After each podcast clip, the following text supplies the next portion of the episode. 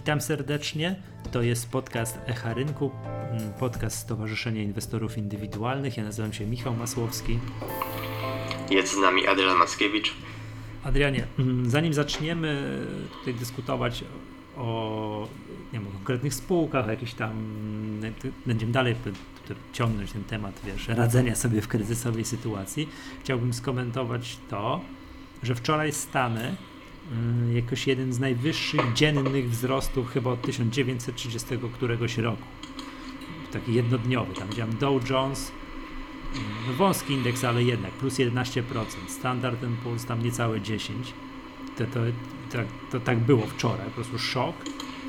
Bez, bez wdawania się w przyczyny, czemu tak się stało. A my skandalicznie teraz tu i teraz jak nagrywamy, jest środa, połowa dnia, minus 1,5%. No jasny gwint jak inwestować na takim rynku, tak? Pewnie dlatego, że tu widzę kontrakty na S&P no, są na minusie. Były tam przez cały dzień na zerze, już są na minusie, więc my stwierdziliśmy, że tu sobie, wyru tu, tu, tu sobie wyrównamy tym razem. Tak? No nie podoba mi się to. No najciekawiej na DAXie, bo tam nawet było 6-7% rano, teraz też już jest procent na minusie. O. E, więc jest ten zjazd. Ale jeśli chodzi o te wzrosty naszej polskiej giełdy i wzrosty w Stanach, to, to moim zdaniem jest dość ciekawe, że e, właśnie poprzedni tydzień mieliśmy bardzo mocny. E, tam rośliśmy jako jedna z niewielu giełd na, na świecie. Stany też się załamały tydzień temu i tam kontynuowały spadki. Dość duże wykazały, właśnie chyba w tygodniu nawet był dwucyfrowy spadek, więc relatywnie poprzedni tydzień był bardzo dobry, więc no, no nie korzystamy teraz z odbicia, no bo już byliśmy na wyższych poziomach. No ale to co bardzo dobre, oczywiście, jeżeli wziąć wycinek tylko ostatni tydzień, no to faktycznie, jakby tak zapomnieć, co się stało dwa tygodnie temu, trzy tygodnie temu, tylko sam jeden tydzień. To wow, jak przyjemnie, prawda? Jakie tu... No nie wygląda to źle. Zgadza się ale jak popatrzeć, wiesz, na dłuższy mm, wykres taki w przeciągu, nie wiem, dwóch, trzech miesięcy, to jest taki, wiesz, wielki wodospad i tam na końcu tego wodospadu tam kilka kropel wody się odbija, tak? To klasyczne takie wiesz, odbicie od dna. No i teraz, tak w ogóle mam takie pytanie, uważasz, że jesteśmy już przy dnie i to, co teraz będzie, to jest takie uklepywanie na coś, nie będziemy z tych poziomów odbijać, czy też, nie wiem, będziemy no, jeszcze raczej miałby, Raczej miałbym takie dwa scenariusze. Jeden, e, że być może jest to uklepywanie dna, a drugi scenariusz, że będziemy jeszcze niżej. To... Także mam raczej takie dwa bardziej negatywne masz scenariusze. Negatywny i jeszcze no. bardziej negatywny scenariusz. Tak? tak, tutaj raczej takiego wzrostowego póki co nie mam. Nie wydaje mi się, aby byśmy jakoś szybko się wygrzebali z tej całej sytuacji związanej z koronawirusem, patrząc jak to postępuje. E, I to, co może spowodować w no tak naprawdę już nie tylko w gospodarkach, bo my tutaj też na podcaście głównie skupiamy się jednak na, na giełdzie, na ekonomii, ale tak naprawdę to, co ten koronawirus w społeczeństwie e, powoduje, co może zmienić, to to jakby już pewnie też rozmowa dla jakichś e, socjologów i, i też innych obszarów, no to, to, to, to jest tak naprawdę niewyobrażalne. Chyba trudno jest cokolwiek teraz zaprognozować, mieć jakiekolwiek oczekiwania, bo e, no, prognozowanie zawsze jest trudne, nawet w takich powiedzmy normalnych sy sytuacjach, no ale dzisiaj tak naprawdę trudno jest e, zaprognozować, co będzie e, za tydzień, tak? Więc no, wpływ tej całej sytuacji zatrzymania gospodarek, ile to jeszcze potrwa i ta cała otoczka, co robią wszystkie instytucje rządowe, finansowe, banki, banki centralne, to ile go i jak próbują uratować ten kryzys pompowaniem wręcz nieograniczonej e, liczby gotówki, żeby, żeby tylko to uratować, e, obniżając stopy procentowe. I, i no, też państwa chcą tak bardzo się zadłużyć, e, żeby, żeby też ratować te gospodarki, to, to te konsekwencje, nawet jeśli uda się to gdzieś opanować, to w długim terminie te konsekwencje mogą być naprawdę poważne i nie wiem, czy tak e, szybko da nam się właśnie wrócić do, do jakiejś normalności i tak naprawdę jaka będzie ta nowa normalność po koronawirusie. No też jestem ciekawy, jakie tutaj zmiany nastąpią w społeczeństwach. Też e, chyba mogę powiedzieć ostatnio dość ciekawą e, ciekawe spostrzeżenie mojego kolegi, jak tam rozmawialiśmy i zaczął się zastanawiać, czy cała ta sytuacja związana z koronawirusem, kwarantanną, czy ona na przykład nie wpłynie na to, jak się będziemy witać. Bo, bo dzisiaj jakby podawanie sobie ręki na, mhm. na przywitanie się jest jakby naturalne w naszym, e, w naszym społeczeństwie, w naszej kulturze. Natomiast pytanie, czy po koronawirusie, czy tutaj nie będzie jakiegoś jakieś obawy w ludziach, strachu, paniki przed takimi czynnościami, które wcześniej były dla nas naturalne, tak? tak? I to była codzienność. Zgadza się, do tej pory było tak, że ktoś ci nie podał ręki albo nie wyciągnął pierwszy, także no to cześć, witamy się, albo dzień dobry panu. No to była taka lekka, wiesz, no chciałbym objaw lekceważenia czyjejś osoby. Ja nie mhm. witam się z panem, nie muszę się z panem witać, tak? I to, to, a teraz faktycznie może być tak, że to będzie taka obawa, że trzeba bardziej te zasady higieny wiesz, pilnować, że będziemy się tak, wiesz, no, skinieniem głowy i będziemy rozmawiać na przerwach kawowych na różnych konferencjach w odległości półtora metra, nawet jak już będzie dawno, dawno po epidemii. No to, co rozmawialiśmy tydzień temu, że wszyscy przechodzą przyspieszony kurs yy, nauki narzędzi do pracy zdalnej. Nagle, wiesz, wiele rzeczy, które się do tej pory nie dało zrobić w pracy zdalnej, to teraz nagle się da. Wszystkie urzędy, kiedyś musiało być, wiesz, dokumenty, parawki, pieczątki, podpisy. Teraz nagle okazuje się, że te dokumenty, te same dokumenty do tego samego urzędu da radę przesłać mailem, a urzędy wręcz zachęcają, żeby tutaj czasem nie przechodzić, nie, nie przychodzić osobiście, więc taka zmiana fundamentalna w funkcjonowaniu mm, funkcjonowaniu społeczeństw. Nie? Widziałem, że teraz cała masa różnego rodzaju webinarów, te internetowy wynalazek jest poświęcony temu, jak twój biznes, tak jak to ktoś prowadzi jakąś działalność gospodarczą, przestawić na to, żeby on działał w internecie, prawda? Do tej pory miałeś, no nie wiem, zamknę jedno oko, coś wybitnie internetowego, mm, szkołę tańca, prawda?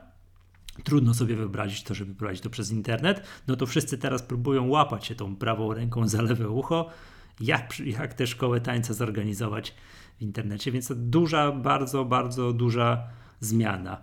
Mm, to, to, to ja powiem tak, że jakie ja tutaj widziałbym scenariusze i moje największe obawy i jakbyśmy tu przeszli do tego, co to te państwa próbują mm, no, robić, tak? Co próbują robić. Y, jak duże pieniądze kładą na stół, bo to jest tutaj, choćby w porównaniu z kryzysem 2008-2009, ogromna zmiana, pokazująca, że ten kryzys może być zdecydowanie bardziej poważny.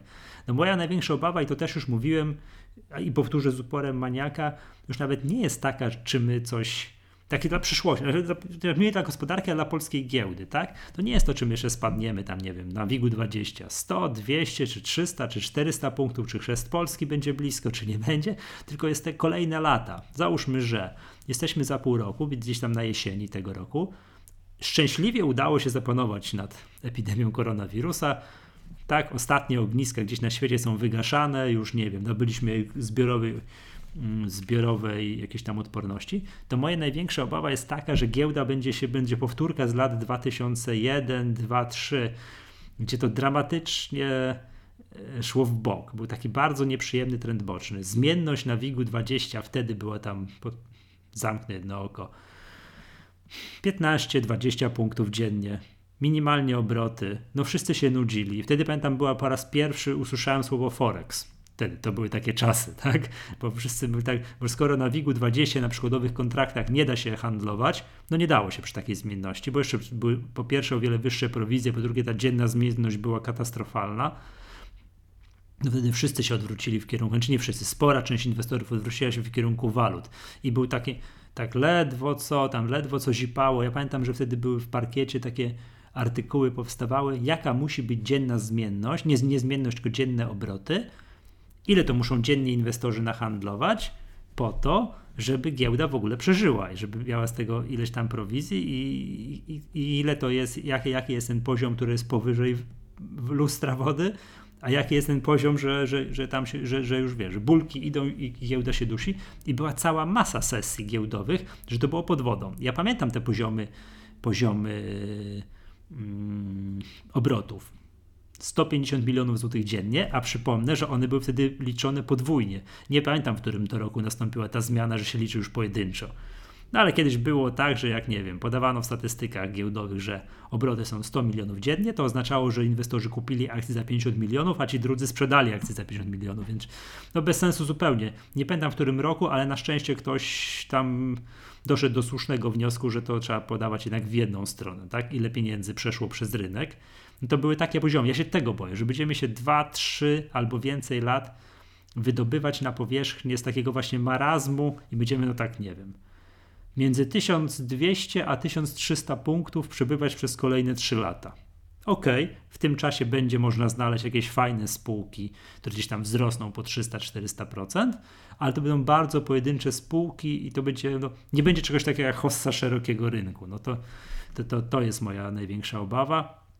I widziałem taką ciekawą jeszcze mm, dyskusję mm, między prezesem PFR-u Pawłem Borysem a Piotrem Kuczyńskim tak, na, na Twitterze. No tam Paweł Borys zwrócił uwagę, że wczoraj Stany największy jednodniowy wzrost od 1933 roku na, na Dow Jonesie. A Piotr Kuczyński, no, który widocznie wszystko ma w głowie, wszystko pamięta, mówi: OK, dobrze, tak było w 1933 roku i rynek amerykański potrzebował 10 lat, żeby przekroczyć ten poziom, po którym tam wtedy był ten, ten wzrost, 10, 10, taki, taki ogromny 10% wzrost i to nie, wcale nie zapoczątkowało jakoś super, jakiejś super hossy, tylko właśnie rynek właśnie po tym kryzysie w 2029 roku bardzo, bardzo, bardzo długo wychodził z tego kryzysu. Yy, wydaje mi się, że aż tak źle nie będzie, że, będzie, że 10 lat się będziemy wygrzebywać, tak? Choć pamiętasz, jak Leszek Czarnecki był na konferencji Wall Street? Kiedy to było? Dwa lata temu. Tak. To on Albo powiedział, trzy. Chyba dwa, to mi się No, wydaje. Może dwa. Y, To on powiedział, że oni dopiero teraz y, wygrzebują się z kryzysu tego frankowego, żeby tam były tak duże, tak, że Mhm. Getting dopiero teraz, że chcesz jak widać po, po, po, po, po tych spółkach, to dalej się, dalej mają z tym problemy, tak, po kondycji. No tak, z jednego się nie wygrzebali, a wpadli w drugi. tak, zagrzebali się w obligacje Getbacku, tak, tak. No, nie, no do, zostawmy ten temat, tak? Że, Tak, zostawmy. tak, że to były takie spółki, ale co do zasady, to przez to, że mamy globalizację, internet, wszystko się dzieje dużo szybciej, to my, szy, to my dużo szybciej wygrzebujemy. Ludzkość jest w stanie szybciej po, podźwignąć się z kryzysu niż wtedy po tym 29 roku. Wtedy to, to się trzeba by Wojtka Białka zapytać, jak to tam dokładnie było, ale tam ludzkość wpadła, no nie było internetu, nie było mobilności, nie było, tak szybko się rzeczy nie działy, prawda? Tak szybko się rzeczy nie działy, w związku z tym dużo, dużo dłużej, długo, wszystko to trwało i, i wychodzenie z tego kryzysu było bardzo, bardzo powolne. Jak spojrzymy na wykres indeksów amerykańskich, jak był ten krach dwa, w latach 2008-2009, jak szybko znaleźliśmy się na poziomach sprzed tego krachu, jak szybko pobiliśmy te rekordy. No, rynek polski, nie dotyczy to rynku polskiego. prawda? No właśnie. Tak, no ale weźmy rynek amerykański jako taki benchmark, nie? że to dzie- dzieje się dużo szybciej. No więc ja liczę na to, że za, za, na chwilę o rynku polskim, że Stany, jak już nie wiem, będzie po całym, po koronawirusie zaczniemy z tego wygrzebywać, że tak samo, no nie będzie to trwało 10 lat, jak w 1933 roku, prawda? Tylko, że też to trochę szybciej potrwa. Ale patrząc na kondycję naszego wspaniałego rynku kapitałowego, no to obawiam się, że, ten, że możemy popaść w taki marazm, taki dwu, trzyletni, zmienność na WIG-u 20-100 punktów w okresie tym dwu, trzyletnim, tak? Dzienna zmienność po 15-20 punktów i tak będziemy sobie dogorywać, pyrkać i no i tak to właśnie będzie wyglądało. Więc to jest moja największa obawa tego, z tego wszystkiego, tak? Także ta, ta, ta, tak, a to czy spadniemy jeszcze 100, 200, czy może 500 punktów, o Jezu, boję się myśleć, tak? No to to jest na, to, na, to na drugim miejscu. Hmm. Powiedz, Adrian, bo to śledziłeś takie rzeczy, ile, te, ile to pieniędzy na przykład rząd polski, czy też rząd amerykański powiedział, że kładzie na stół, żeby zapewnić, nie wiem, płynność, żeby tam że na taką pomoc mm, tych, wiesz, banków centralnych, tudzież, tak, wiesz, administracji państwowej. No bodajże wczoraj rząd y, w Stanach y, tą ustawę pomocową przegłosował i to ma być 2 biliony dolarów. I to, to jest naprawdę dużo. To skromnie, Ej, i- jest dużo pieniędzy, jak na... No ja bym powiedział, powiedział że raczej dużo. I to, to, to, to ma być też pomoc właśnie dla przedsiębiorstwom w spłacie, czy może w utrzymaniu płynności, pomoc dla biedniejszych y, Amerykan. E, mają dostawać czeki tam nie wiem, po 1000 dolarów, czy nawet więcej, e, żeby sobie z tym e, kryzysem poradzić. No i do tego jeszcze Fed, to już w poprzednim tygodniu, czy, czy na początku tego też w poniedziałek już no jest dynamiczny na rynkach, też się czasem te dni mylą, powiem szczerze. No ale on z kolei Fed ogłosił, że nielimitowany program Quantitative Easing, czyli e, no, żadnego pułapu nie ustalił. Powiedział, że będzie skupował e, praktycznie wszystko z rynku, co się tylko da, e, żeby dostarczyć płynność, więc no tutaj no, decydenci łapią się już, powiedziałbym, brzytwy, żeby tylko uratować te Czyli gospodarki. Bez, bez limitu kwotowego. Skupimy wszystko, co trzeba. Wszystkie tak. obligacje Stanów Zjednoczonych. No to jest w miarę oczywiste, ale jednak wszystko, co tam będzie chodziło, ruszało się, gdzie, gdzie ten, to, to my skupimy w razie czego, Tak. nie bójcie się, płynność będzie dochowana, tak? Zachowana. Zgadza się. Zrobimy wszystko, co w naszej mocy, dodrukujemy tyle, tyle ile będzie trzeba, e, tylko żeby tę gospodarkę uratować. To też właśnie jest ciekawe, bo, mm, no, w pewnym sensie patrząc na reakcję rynków, e, no to może już są też to jakieś teorie spiskowe, co tam e, wie Fed, jakie raporty do niego dochodzą, jakie ma własne prognozy i oczekiwania, no ale to już dość takie skrajne tutaj rzeczywiście jeszcze bardziej skrajne środki wyciąga i komunikuje, że, że no, zrobi wszystko co konieczne. Eee, I to wręcz chyba w niektórych wzbudza jakąś obawę, jak, jak złe są te prognozy, jak złe są te oczekiwania, że po takie środki aż trzeba sięgać i e, no w gruncie rzeczy po tej, tak, teraz już kojarzę, że to e, w poniedziałek była pierwsza reakcja na ten Fed. E, No i Stany tam zrobiły nowe dołki, tak? Wczoraj we wtorek, tak jak mówiłeś, e, te mega wzrosty w Stanach. No ale dzisiaj patrząc na giełdy światowe, e, czy, czy może, może europejskie, tak? Bo tam akurat Japonia to też znowu zrobiła mm, 8% e, w górę, kontynuowała te wzrosty, no ale DAX już zbity na, na ten minus y, z dość dużego plusa. Nasza giełda, jak to nasza giełda? E, Tutaj też e, już nie pokazała siły w tym tygodniu. E, No i Stany po tym wczorajszym mocnym wzroście ten kontrakt już jest no prawie 2% na minusie teraz, tak? Więc te obawy cały czas są.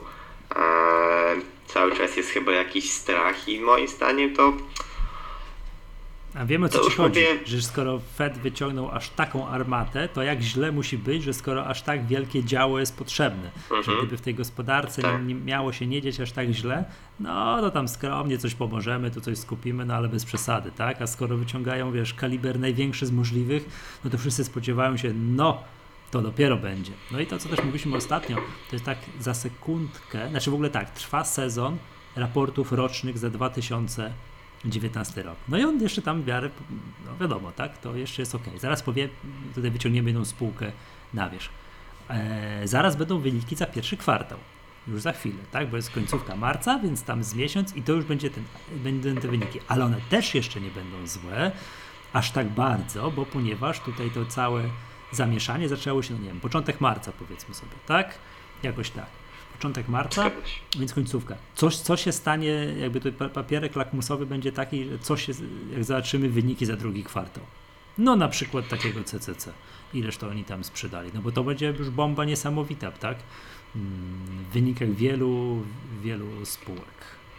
No problem przynajmniej na polskiej giełdzie jest taki, że raporty za pierwsze półrocze to czytam za drugi kwartał, tak? No to one będą we wrześniu. Wrzesień. No to, to już w ogóle jest abstrakcja, więc tutaj po prostu będą na bieżąco e, dyskontowane informacje z rynku, ile jeszcze trwa kwarantanna, czy galerie są zamknięte i no przynajmniej w przypadku CCC, tak? Ale no a w innych spółkach przepisy też wiadomo. są takie, MAR stanowi tyle, że jeżeli te wyniki miałyby być znacząco odbiegi, odbie, odbiegać od czegoś takiego, co nazwijmy oczekiwaniami rynku, od konsensusu rynkowego, mm, no to spółki powinny na bieżąco podawać. No dobra, Michał, to powiedz mi teraz, jaki jest konsensus rynkowy, jakie są oczekiwania? One nie są jakieś e, wygórowane, tak? Więc trudno naprawdę teraz same oczekiwania tutaj ustalić, jakie, jakie one w ogóle są i czy te rzeczywiste wyniki mocno odbiegają od oczekiwań rynku, no bo No też prawda, zgadza się, bo to może być tak, że oczekiwania no, oczekiwania są takie, że spółki mogą zbankrutować niektóre. Mm, ale przecież PAP publikuje coś takiego, jak właśnie konsensus rynkowy dla tych dużych spółek, jak będą oczekiwania. No tak, to są, to Więc są oczekiwania. Będzie można zaglądać, Mhm. przynajmniej do tych dużych, prawda? No, wiele biur się wycofało z pokrywania tych niektórych. branż detalicznych, bo, bo no, tak od tego zaczęliśmy ten podcast, jak trudno jest zaprognozować, co będzie za tydzień, no to jak prognozować wyniki spółek, e, gdzie nie, nie wiadomo, kiedy, kiedy wróci handel, nie wiadomo tak naprawdę, jak ludzie się zachowają, kiedy, kiedy już e, ten handel wróci, skończy się kwarantanna, zostaną otwarte galerie, będzie można wychodzić. Eee, i nie będzie trzeba nikomu tłumaczyć, że, że idziemy na zakupy. No, Eee, teraz cię policjant to- może wylegitymować. Gdzie pan się Właśnie. tutaj włóczy? No Tak? właśnie. Jak zła odpowiedź, mandacik. No tak, no, to, od wczoraj jest, czy to od przedwczoraj? Już też mi się te dni Tak, wszystkie wczoraj. zlewają, Że- że no właściwie to jest trudno do sklepu na powiedzieć. zakupy, w jakiejś pilnej sprawie, wiem, do lekarza, no i ewentualnie do rodziny, kogoś tam z rodziny, no nieść mu pomoc. A tak o na spacer po parku, to już Mhm. nie za bardzo wolno wychodzi z tego, co się orientuje, prawda? No nie, szczególnie jakbyś kogoś jeszcze w tym parku zobaczył, no to trzeba uciekać jak najdalej od niego, bo przyjdzie policjant i Tak, tak, tak. Umówmy się z znajomymi na piknik w parku. No ale akurat powiem Ci, no to dobrze, tak, no bo to tak, no zgadzam się. patrząc na to, jak co po niektórzy wzięli sobie do serca, to, że siedźmy w domu, że to jest przecież ta, cała ta akcja, zostań w domu, jak niektórzy sobie wzięli do serca, że w ogóle sobie nie wzięli do serca. Po prostu jest lusik, jest wolne, no to, to chodźmy na spacer, tak? Już memy krążą po internecie, jak wyglądała przeciętna polska rodzina przed kwarantanną, że wszyscy, wiesz, spatrzeni w swojego smartfona, siedzą w domu, a jak po kwarantannie, jak nagle nam się każe siedzieć w domu. Nie, to wszyscy na siłę idą na spacer do parku, tak? Więc, więc, więc jakieś takie, ale to też jest to, no mamy patrząc na, na tą skalę za- zarażeń, jakąś tam śmiertelność w porównaniu z rynkami zachodnimi, jesteśmy jeszcze stosunkowo nisko, więc być może jesteśmy przed tym pikiem dopiero. Takimi, że na pewno jesteśmy przed pikiem. że przybywać To- nam to- dziennie po 100, 200, po kilkaset osób dziennie. Liczba zarażonych, no liczbach o, o ofiarach śmiertelnych też boję, boję się mówić, bo to na razie mamy bardzo mało w porównaniu z rynkiem zachodnim. Z, z, no, z, z rynkiem z krajami zachodnimi, tak, na przykład z jakimiś Włochami czy, czy, czy coś takiego. No to na pewno będzie jeszcze przybywać. Widziałem jakiś model na Twitterze właśnie jakiejś instytucji dużej finansowej, która gdzieś tam w tym modelu prognozowała, że na początku kwietnia ma być w skali światowej gdzieś ten pik, e, a potem gdzieś już to będzie się powoli odwracało, no ale czy tak będzie, no. No To też trudno. To, to, też, to, to jest też ciekawe, że gdzieś tam bazujemy na liczbach, które podają te kraje, te państwa. E, No ale tak naprawdę to, to, to nie są raczej rzetelne wartości, no z tego względu, że jakby to wykrywanie jest też uzależnione od tam możliwości e, takich powiedziałbym operacyjnych na wykrywanie i badanie wszystkich ludzi, tak? To, to ile mamy nieprzebadanych ludzi, którzy, którzy mają tego koronawirusa, no to, to, to, to pewnie jest No tak, no mocno, ta liczba odbiega od tych, od tych danych, które tam są podawane, ile już jest wykrytych, tak? Widziałem w zależności od e, różnych tam specjalistów, lekarzy się wypowiadających od razy 10 do razy 50. No właśnie. Poda- że oficjalna liczba to jest x, a są tacy, którzy twierdzą, że ok, to, to prawidłowa liczba to jest 50 xów. I też jest teraz dyskusja, jak różne rządy e, prowadzą statystyki dotyczące śmiertelności, tak? Kiedy ta śmierć jest zaliczana jako koronawirus, a kiedy, e, kiedy nie, no bo na przykład ktoś tam jeszcze był chory przewlekle na jakieś e, inne przypadłości, inne choroby, tak? Więc no to te dane na temat śmiertelności też tak naprawdę trudno, tru, trudno jest jakoś mocno analizować i się na nich opierać, bo no, prawda jest też taka, że większość osób starszych umiera, które też mają jakieś własne przypadłości i w tym wypadku nawet zwykła jakieś przeziębienie muszą tutaj bardzo uważać starsze osoby, bo to już może być bardzo niebezpieczne. Więc te dane o śmiertelności koronawirusa też trudno chyba jakoś jednoznacznie in- interpretować, czy, czy to jest wysoki, czy niski, tym bardziej, że no, tak naprawdę no, nie mamy chyba e, takiej dokładnej poróbki w ogóle zachorowań. Tak? Tak, plus do tego dochodzi jeszcze ten czynnik, że to coś, ten koronawirus jest z nami po raz pierwszy. Tak. No za 5 lat, jak to będzie nawracało jako tak klasyczna choroba sezonowa, miejmy nadzieję, że się tak skończy, no to będziemy oczywiście mądrzejsi, będziemy wiedzieli jak reagować, czy się w ogóle przejmować, nie przejmować, czy będzie szczepionka, nie będzie szczepionki, a dzisiaj jest jedna wielka niewiadoma, no bo, bo no, robimy to po raz pierwszy, prawda? Dobrze, żebyśmy tak nie zeszli na narzekania i tutaj na nasze zgadywankę odnośnie koronawirusa, no to żebyśmy chociaż z jedną albo dwie spółki wyciągnęli na powierzchnię i powiedzmy, co tam się dzieje. To mówię, pocztówka z przeszłości, wyniki roczne ten Square Games, które widziałem nawet, nawet. Ja, co ja mówię, nawet, nawet bardzo dobre. Ja bym jeszcze krótko wrócił do tych sytuacji rynkowej, takie krótkie podsumowanie, że mamy koronawirusa, który w ogóle zatrzymał gospodarki i myślę, że śmiało możemy mówić o Bessie.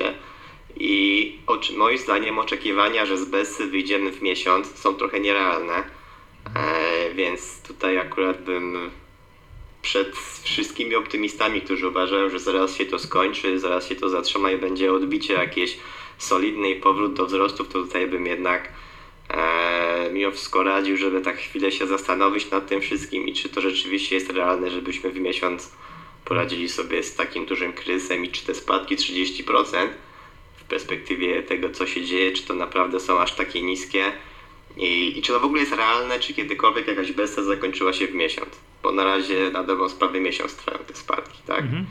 Więc przed wszystkimi, którzy tu nagle oczekują, że będziemy mocno rosnąć, E, w długim terminie, tak? Wiadomo, że teraz zmienność jest taka, że tam 10% w górę, w dół może być w każdym dniu, ale przed jakimś e, zmianą tego trendu spadkowego, e, no to tu bym raczej mm, miał, miał taką uwagę, że mo, może nie przesadzać z tym optymizmem.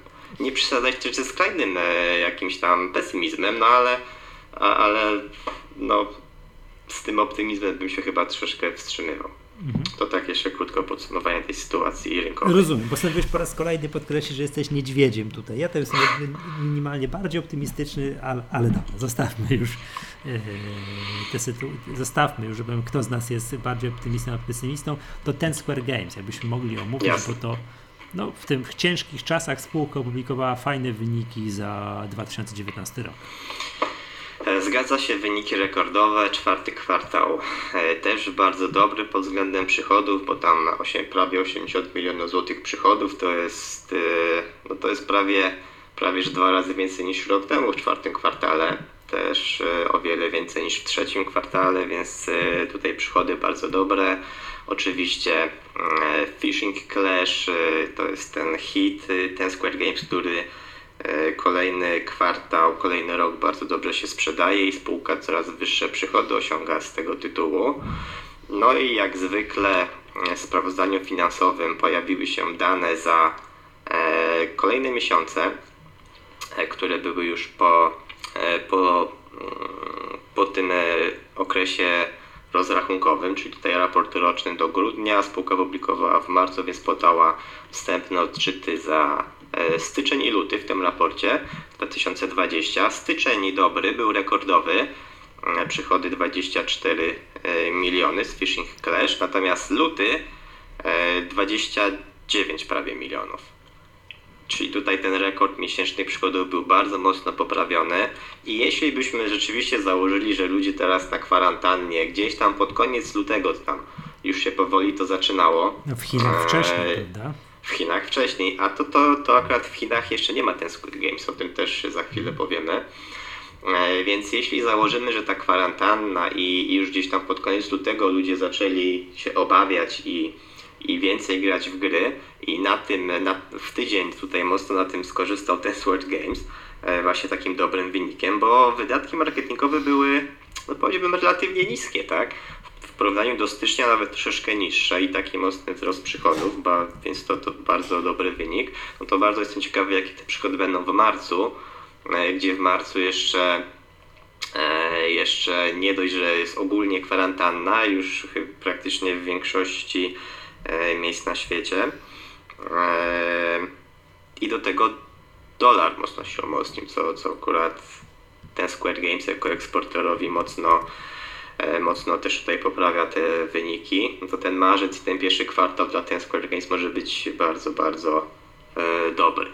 A nawiązując do Chin, bo, bo właśnie tutaj spółka cały czas jest na etapie certyfikacji Fishing Clash i tam w Chinach jeszcze nie osiąga przychodów, e, to moim zdaniem to też jest taki trochę fenomen, że bez Chin takie wyniki udaje się osiągać spółce, tak dalej mocno rośnie. No i biorąc pod uwagę, że no ewidentnie te wyniki pokazują, że Fishing Clash jest dobrą grą, a po drugie, co myślę, może nawet ważniejsze, spółka potrafi ją skutecznie komercjalizować i, i dalej rozwijać i jakby tutaj dalej przekonywać graczy, żeby tam płacili.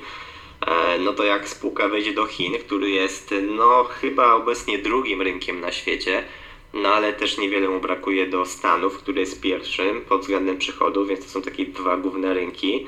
E, no to jak spółka wejdzie do, do Chin i w końcu ten Fishing Clash uzyska certyfikację, to jest naprawdę potencjał, żeby te przychody no dalej w tempie kilku dziesięcioprocentowym chyba zwiększać. Mhm. Więc ten Square Games z tą grą Fishing Clash i jeszcze kilkoma innymi produkcjami, nad którymi pracuję, no wydaje mi się, że wygląda, wygląda naprawdę interesująco. Ale to jest tego... to, co mówiliśmy mhm. poprzednio, prawda? Czyli, że e, to jest ta branża, której może się, powiem tak po, po, po młodzieżowemu, smyknąć. Tak? Po pierwsze jest to wyrób y, softu, tak? To jest, to jest mhm. pierwsza sprawa. Druga sprawa, nie potrzebują bezpośredniego kontaktu z klientem, czyli nie, nie mają sklepów, na przykład w galeriach handlowych, które są zamknięte.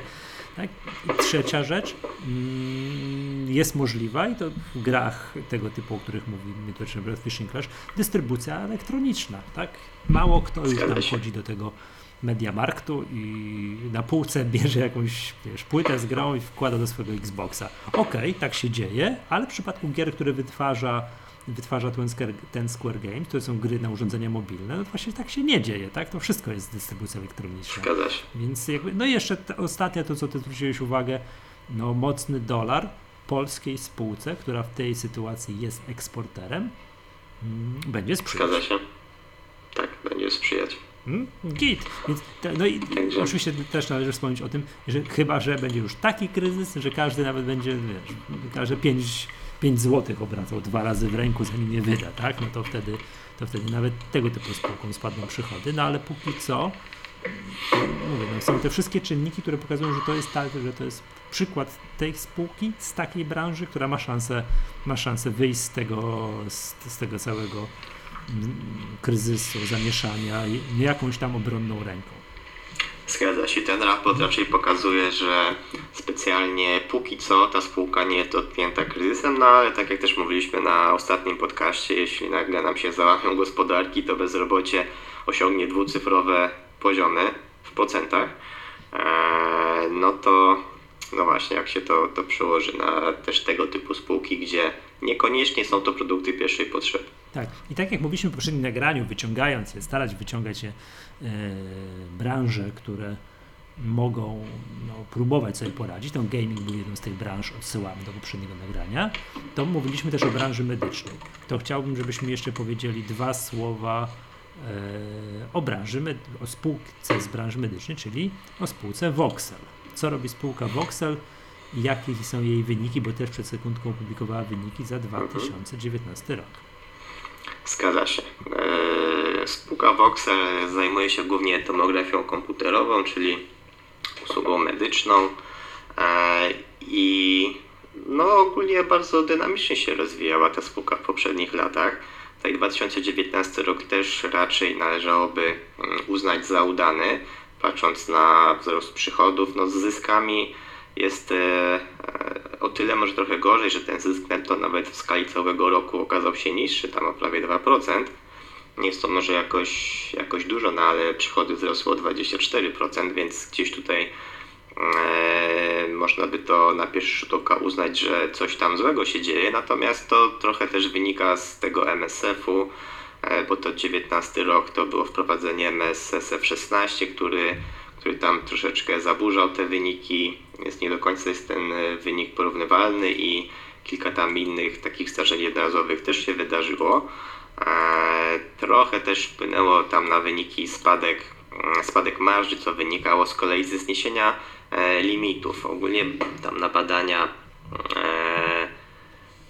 one są finansowane w pewnej części do kwietnia 2019 przez NFZ finansowane i do kwietnia 2019 roku był limit na te badania, natomiast od tego kwietnia zniesiono ten limit i, i z tego tytułu spółka przeprowadza więcej właśnie takich finansowanych przez NFZ badań, mniej prywatnych, no i one są po prostu te finansowane przez NFZ są o niższej marży, więc tutaj też ta marża troszeczkę spadła i to też wpłynęło w dalszej części na, na wynik netto w jakimś e, stopniu.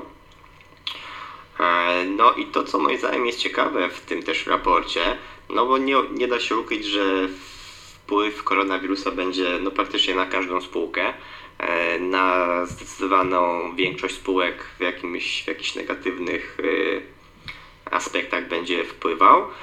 W przypadku e, spółki Voxel też, czy nawet grupy kapitałowej Voxel, bo jednak mamy tą kwarantannę, tych badań też będzie się wykonywać mniej. Ogólnie zalecenie jest takie, żeby tylko te niezbędne, pilne badania wykonywać, badania, które mogłyby wpłynąć niekorzystnie na, na pacjenta i jego zdrowie, jeśli nie zostałyby one wykonane.